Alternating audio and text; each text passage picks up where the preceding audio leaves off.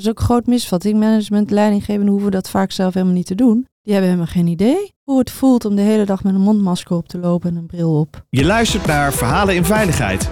Deze podcast brengt verhalen over veiligheid samen van de mensen die het doen. Met wisselende onderwerpen. Verhalen vanuit de wetenschap, verhalen vanuit de praktijk, maar vooral verhalen die raken uit ons mooie vak. Uw presentatrice Orlie Borlak.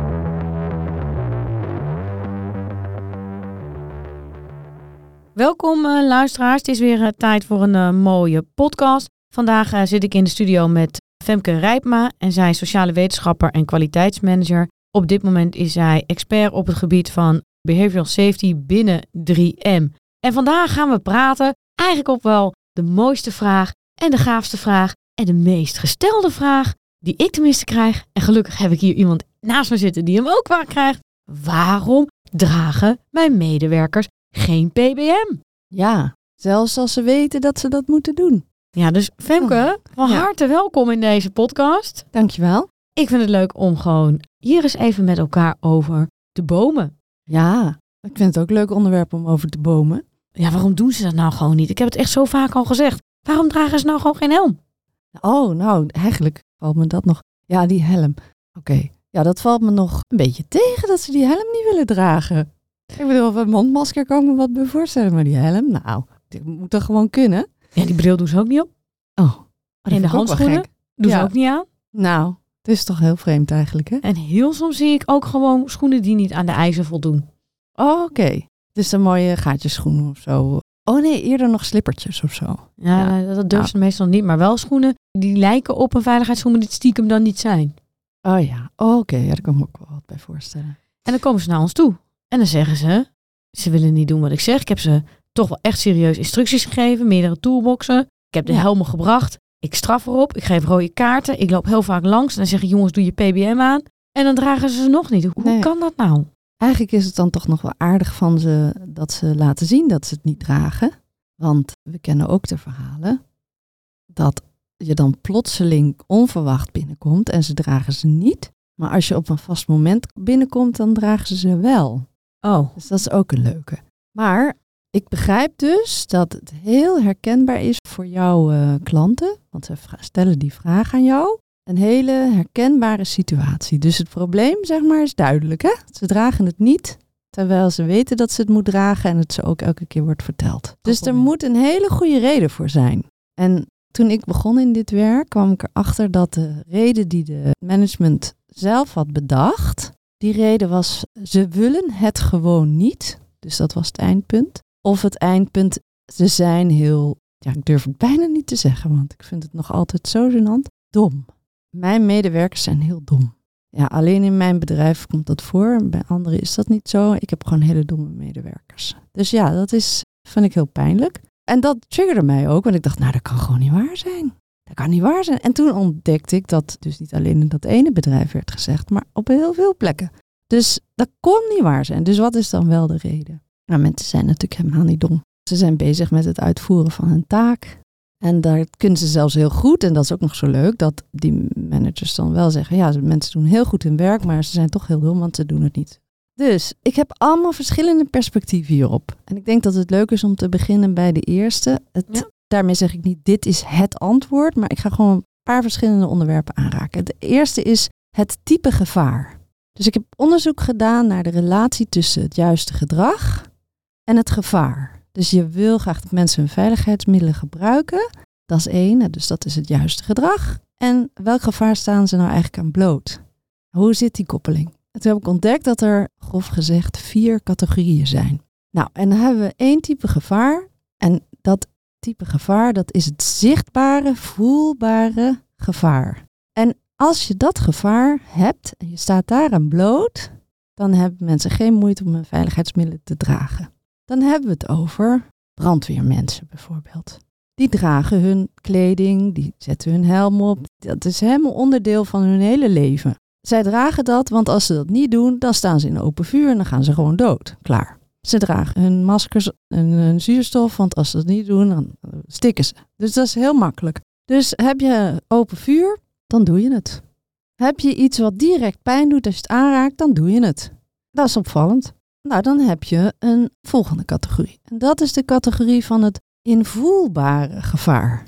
Dus stel, jij gaat voor de allereerste keer een hoge boom inklimmen. Ik maak het maar even biologisch, zeg maar. Want jij bent een mens en jij gaat in een boom klimmen. En dan voel je het gevaar. Van als ik nu een fout maak, dan kletter ik naar beneden. Dus je gaat je al voorbereiden op een mogelijk gevaar. En dan ga je ja, heel erg je best doen om te voorkomen dat dat zich gaat voordoen. Dat invoelbare gevaar, dat is iets waar je als werkgever en werknemer over kan praten. En dan zeggen ze, ja, dat snap ik eigenlijk wel. Dan moet ik mezelf tegen beschermen. Als ik daar inderdaad die ladder op ga, dan krijg ik ook dat nare gevoel in mijn buik. Dus dan ga ik mezelf makkelijker beschermen. Er zit nog wel een klein beetje ruimte in, hè? want hoe meer iemand een ladder opklimt en hoe veiliger die zich denkt te wanen, want dat is wel zo, het is een soort waan, hoe meer ervaring, hoe groter de kans dat het goed gaat. Overigens is dat ook wel waar, alleen ja, er zit altijd nog een risico. Het wordt nooit risicovrij. Daar kun je dus echt wel over praten en daar kunnen mensen zich wat bij voorstellen. En dus wordt het ook makkelijker om een PBM te dragen. En dat zie je ook. Dat is ook echt heel concreet zichtbaar. Mensen, ja, die, die kunnen zich makkelijk verplaatsen. Dan heb je nog een derde categorie en dat is het gevaar dat direct consequenties heeft. Als je jezelf niet beschermt, dan heb je meteen een probleem. Nou, helaas, dit is dus een, dat heb ik nog niet gezegd, onzichtbaar gevaar. Dus denk bijvoorbeeld aan giftige gassen die in een mesttank zwerven. Dus mensen die een tank moeten schoonmaken, die kijken in die tank en die zien geen gevaar. Die zien alleen gewoon de binnenkant van die tank. Maar die weten, als ik hier nu naar binnen ga zonder adembescherming, dus zonder zuurstof of wat dan ook, dan loop ik het risico dat ik aan gassen die misschien rondzwerven beneden in die tank direct doodga. Dat onzichtbare gevaar dat direct consequenties heeft, ook daarin vinden we allemaal heel normaal om daarover te praten en om ons voor te bereiden en dat te doen. Logisch, want ja, serieus, binnen een kwartier is gewoon iemand overleden. Dat kennen jullie waarschijnlijk ook wel uit de kranten. Dan lees je, nou ja, een van de meest beruchte ongevallen in Nederland is in Makkinga gebeurd, waarbij mensen in een mesttank terechtkwamen. Dus iemand was daar aan het werk, of die kwam daarin en die kwam in nood. En toen zag iemand anders dat en die ging daar achteraan om die persoon te redden. Die kwam ook in nood, toen kwam er een derde persoon en die ging ook proberen te redden. En dat duurde dus heel lang voordat mensen in de gaten hadden van wacht eens even, ik kan hier niet ingaan, want dan kom ik ook in de problemen. Ik moet mezelf beschermen. Nou, dus dit is een hele, hele beruchte. Dus als het misgaat, gaat het ook echt meteen heel erg mis. En dus, ja, dat is niet moeilijk. En dan komen we bij het vierde gevaar. En dat is de ellende. Dat vierde gevaar, dat is het onzichtbare gevaar dat op lange termijn effect heeft. Dus je gaat niet meteen dood, je hebt niet meteen pijn, je kunt het niet zien, je kunt het niet voelen, maar het is er wel. En dat is het gevaar dat je ja, over 25 jaar kanker hebt of over 25 jaar COPD hebt. En dat gevaar is nou net het gevaar dat het meest voorkomt in de industriële wereld. En dat is echt een groot probleem. Het is ook een modern gevaar. Het bestond eigenlijk helemaal niet voor de industriële tijd. mensen werkten ja, op veel kleinere schaal. Werkten, mensen werkten in uh, ja, kleine groepen, in, deden kortstondige taken. En de eerste keer dat we het echt tegenkomen is bijvoorbeeld bij de leerverwerking of de viltverwerking in de hoedenindustrie in Engeland, zien we het. En daar komt een hele bekende uitdrukking vandaan, as mad as a hatter. Dat is een Engelse uitdrukking, dat is niet voor niks. In Engeland ontstond dat soort industrie heel vroeg. En dat waren hoedenmakers en die werkten met vilt. En dat behandelden ze met een bepaald goedje waar je gek van werd. Na verloop van tijd, dat kon echt wel tien jaar duren, maar... En men had dat niet door, men wist dat natuurlijk niet. Maar ze zagen wel dat die families, die hoedemakersfamilies, ja, die waren echt uh, koekoek. Ja, dat was een soort gen waarschijnlijk dan. Dat is dus dat onzichtbare langetermijngevaar, zo noem ik het maar. Nou, dat is dus perspectief nummer één. Dus wees je bewust als je in je bedrijf dit soort gevaren hebt, zoals stof, hoort er ook bij hè, fijne stof, maar werken met chemische goedertjes, al is het maar een kwartier, als je elke dag een kwartier blootstaat aan een chemisch goedje, heeft dat effect op lange termijn. Ja, dat soort gevaren, dan moeten mensen zich daartegen beschermen. Maar dan komen we het volgende perspectief. Je kunt mensen niet beschermen door ze te zeggen dat ze het moeten doen. Dat weten we, dat, daar gaat dit over, daarom hebben we dit gesprek. Waarom dragen ze geen PBM's, ook al weten ze dat ze het moeten doen? Nou, langetermijngevaar, onzichtbaar, En wij denken dat we het kunnen oplossen door te zeggen, je moet het doen. En ze doen het niet. Dus dan komen we bij het perspectief sociaal. Wanneer ga je iets wel doen en wanneer niet? Nou, dan ga ik dat schetsen aan de hand van een jonge student. Die leert op school hoe die veilig moet werken. Nou, op school hebben ze een goede cultuur. Gaan we heel even vanuit dat ze daar het juiste doen. Gaan we even niet vertellen hoe, waarom ze het juiste doen, maar even voor jullie beeldvorming. Jonge man die leert op school hoe hij zich moet beschermen. En hij doet het ook en hij gelooft het en hij snapt het. En dan gaat hij aan het werk. Komt hij bij een bedrijf. Hij stapt binnen en dan zegt zijn nieuwe baas, zegt gewoon je moet even dit filmpje kijken. En dan leren we je over de veiligheidsregels in dit bedrijf. Dan leer je ook nog wat over wie we zijn en zo. Nou, die jongen gaat dat doen en die kijkt het en die denkt interessant. Ja, dat snap ik, want uh, dat heb ik ook geleerd op school. Dat snap ik al, dat ga ik doen. Nou, en dan gaat hij naar binnen, dan gaat hij aan het werk. Dan ontmoet hij zijn collega's en dan gaat hij onbewust maar rondkijken van nou, hoe, werken de mensen hier? En dan leert hij het in de praktijk met zijn handen en zijn handelingen. En dan gaat hij doen wat zijn collega's doen. En als dat nou niet is wat in het filmpje staat, dan zou ik je zeggen dat dat wat zijn collega's doen, dat dat is wat hij gaat doen. En hij gaat misschien af en toe nog denken, hé, hey, wacht eens even, het is toch wel anders dan wat ik heb geleerd. Maar hij gaat ook denken, ah, blijkbaar doen ze het toch hier zo. En als hij al gaat denken van, hé, hey, het is toch wel anders dan op het filmpje stond, dan nog, dan komen we bij het volgende. Hij is de jongste. Ja, hij denkt, ja, zij zullen het wel weten. Hij durft het niet hardop te zeggen dat het anders is dan hij eigenlijk dacht.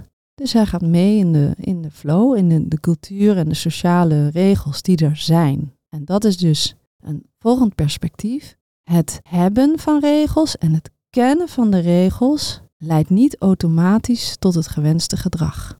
Want gedrag wordt bepaald door sociale norm, door wat andere mensen doen. Dat ga jij ook doen. Dat hoort bij die groep. Dus dat is het tweede perspectief. Nou, Orly, hoe is het met jou ondertussen? Ik denk dat het eerste, van je eerste perspectief, het kwadrant nummer vier, je hebt een uh, onzichtbare risico met een uh, langetermijn effect. Daar zit eigenlijk hetgeen waar volgens mij de schoen wringt. Als mensen niet direct zien waarom ze bepaalde maatregelen moeten nemen, gaan mensen het nut en de noodzaak van die maatregelen in twijfel trekken. Die gaan het ook bagatelliseren. En soms merk ik dat dat bagatelliseren in het voordeel van de medewerker werkt. Ik heb bijvoorbeeld een klant gehad die maakte fietspaden, althans de coating op de fietspaden. En die coating, dat we met epoxyhars gedaan, volgens mij twee componenten. Technische weet ik het niet precies, maar het was behoorlijk gevaarlijk goedje. En daar waren eigenlijk niet alle maatregelen aanwezig, want ze moesten dat zelf mengen in een, uh, eigenlijk een bak, openluchtbak. Dus ze stonden permanent bloot aan de gevaarlijke stoffen. Die werden ook verspreid of eigenlijk uitgesmeerd op de fietspaden.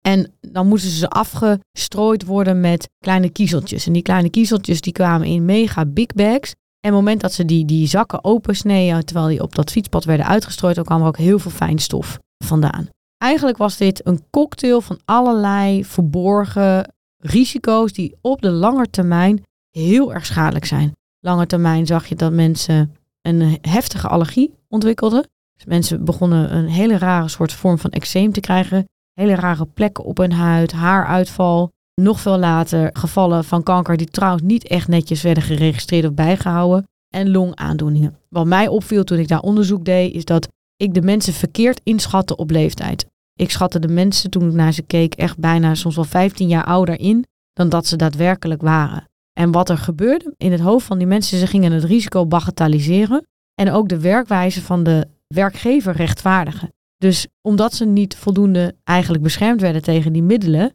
alleen maar misschien met PBM, maar nog niet echt met de goede arbeidsmiddelen, ook niet de goede maatregelen, gingen ze zeggen, ja, het zal wel allemaal meevallen.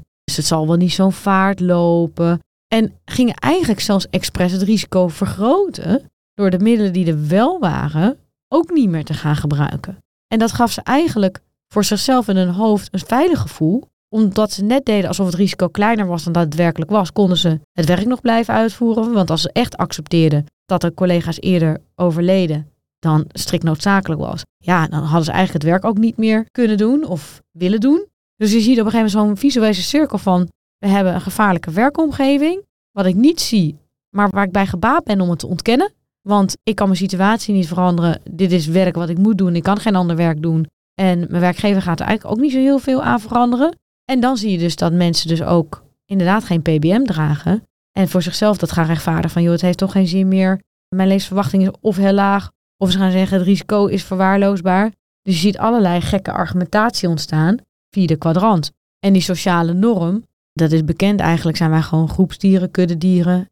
En we willen ook niet haantje de voorste zijn, of de wijsneus, of de bedweter, of kop boven het maaiveld uitsteken. Dus je doet gewoon vooral wat de groep doet. Ja, Hans wil je ook verstoten, hè? Dat wil je zeker verstoten. Dat is echt heel gevaarlijk. Als jij iets anders laat zien of kritisch wordt, ja, kan je een paria worden in een groep. Ja, Of dan echt uitgezet worden. En wat jij nu ook zegt over, ja, dat je dat gaat ontkennen, dat gevaar, dat hoort daar ook bij. Zeg maar, als er een, ehm, een informele leider, iemand die dat werk al heel lang doet, en die doet dat echt al heel lang, of die, ja, die heeft daarin een positie vergaard, hè, en zijn hele leven eh, ja, hangt af natuurlijk van zijn baan. Gaat ook niet gauw meer wat anders doen. En als zo iemand achter het roer staat en jij komt daar dan bij, dan ga je echt wel mee in die hele kijk op dat probleem. Dat is geen probleem. Joh, ik doe dit al mijn hele leven zo. Wat doe je nou toch moeilijk? Ja, dat risico wil je helemaal niet lopen. Dat zijn allemaal dynamieken die meewerken in precies wat jij omschrijft. En nou ja, ik zei net tegen, ik las een boek, even een kort stukje over het idee dat we allemaal verantwoordelijk zijn voor veiligheid. Dat wil ik hier dan ook wel aanhaken. Deze dynamiek en die hele sociale kant van die erachter zit, waarom mensen besluiten om iets te accepteren wat eigenlijk onacceptabel is, daar moet het management bewust van zijn. Daar hebben ze een extra verantwoordelijkheid in. En dat zie je ook in rechtszaken bijvoorbeeld. De rechter heeft eigenlijk tot nu toe altijd geoordeeld dat de verantwoordelijkheid is van het management. Dus het management kan wel zeggen, ja, maar de mensen wisten wat ze moesten doen en we hadden alle middelen gegeven. Dan zegt de rechter, ja, maar wanneer iemand het toch niet doet, heeft u iets nagelaten. Nou, en dit stuk wat jij nu benoemt over ja, dat mensen dus gaan ontkennen dat er een gevaar is, daar heb je als leiding van de organisatie een verantwoordelijkheid in. Je zult je mensen ook daartegen moeten beschermen. En dat vergt dus wat? Het vergt dus ook kennis van leiders, managers, leidinggevenden over die dynamiek. En dus dat ze ja, meer dan alleen maar verantwoordelijk zijn voor het aanreiken van PBM's, maar ook echt bewust moeten worden van de sociale context waarin mensen het werk doen.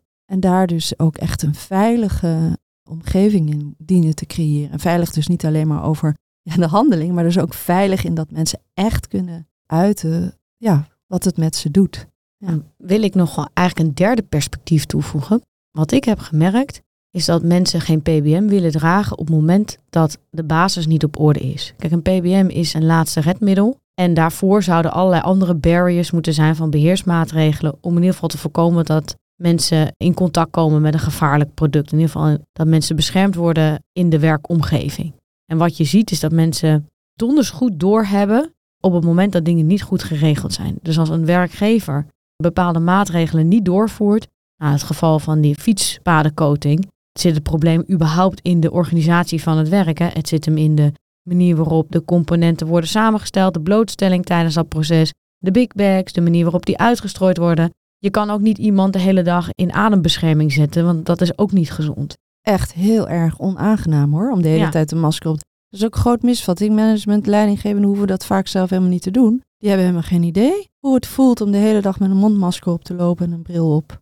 Dat Ja. is nog een volgend perspectief. Maar ja, eerlijk, dan kunnen we nog Ja. een heel podcast aan wijden. Ja, maar dat, dat is wel wat je ziet. Dus het moment dat dat een discrepantie is, dat het personeel verwacht dat de werkgever iets doet, in heel veel van die gevallen tonen medewerkers verzet door de PBM bewust niet te dragen. Van ik Ja. ben in verzet, want ik ben eigenlijk boos. Want jij moet iets regelen en je legt nu de verantwoordelijkheid volledig bij mij. Dus als er iets misgaat met mij, ligt het aan mij. Terwijl niemand praat over hetgeen wat jij had moeten doen in die veilige werkomgeving. Ja. En dan een vierde gezien. perspectief, wat jij ook net aangaf, is dat PBM een nieuw risico introduceert. Bijvoorbeeld het geval toch even van de fietspadencoating. Die jongens moesten een kapje opdoen, een eh, mondkapje tegen de fijnstof. Dat was de maatregel. Maar het spul was zo giftig, dat ging zich ophopen om het mondkapje heen. Waardoor ze op het gezicht, en dat is echt heel vervelend, een gigantische uitslag krijgen. Dat is het aangezicht van Wat? iemand. Dus ze hadden het liever op hun handen, armen of op het lijf verder, dan in het gezicht.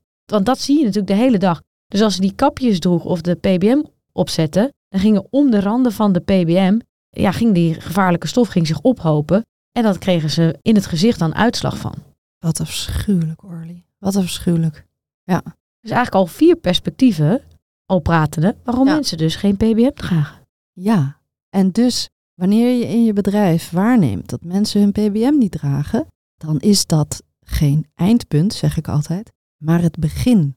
En dat is het begin van het groter maken van je eigen kennis over je eigen organisatie als management. Het is echt een cadeautje eigenlijk. Ja, het klinkt heel raar, maar als jij dit tegenkomt in je bedrijf, dan weet je nu, als je hier naar geluisterd hebt, echt, dat is het begin. Dat betekent iets. Dus dan moet je op onderzoek uit. En dan ga je heel veel leren over je eigen organisatie en over hoe het wel kan. Dan wil ik jou hartelijk danken voor deze mooie podcast. Je luisterde naar Verhalen in Veiligheid. Wil je niks missen van deze podcast? Abonneer je dan op deze podcast in je favoriete podcastplatform. Of laat een recensie achter via Apple Podcast. Dank voor het luisteren. Graag tot de volgende.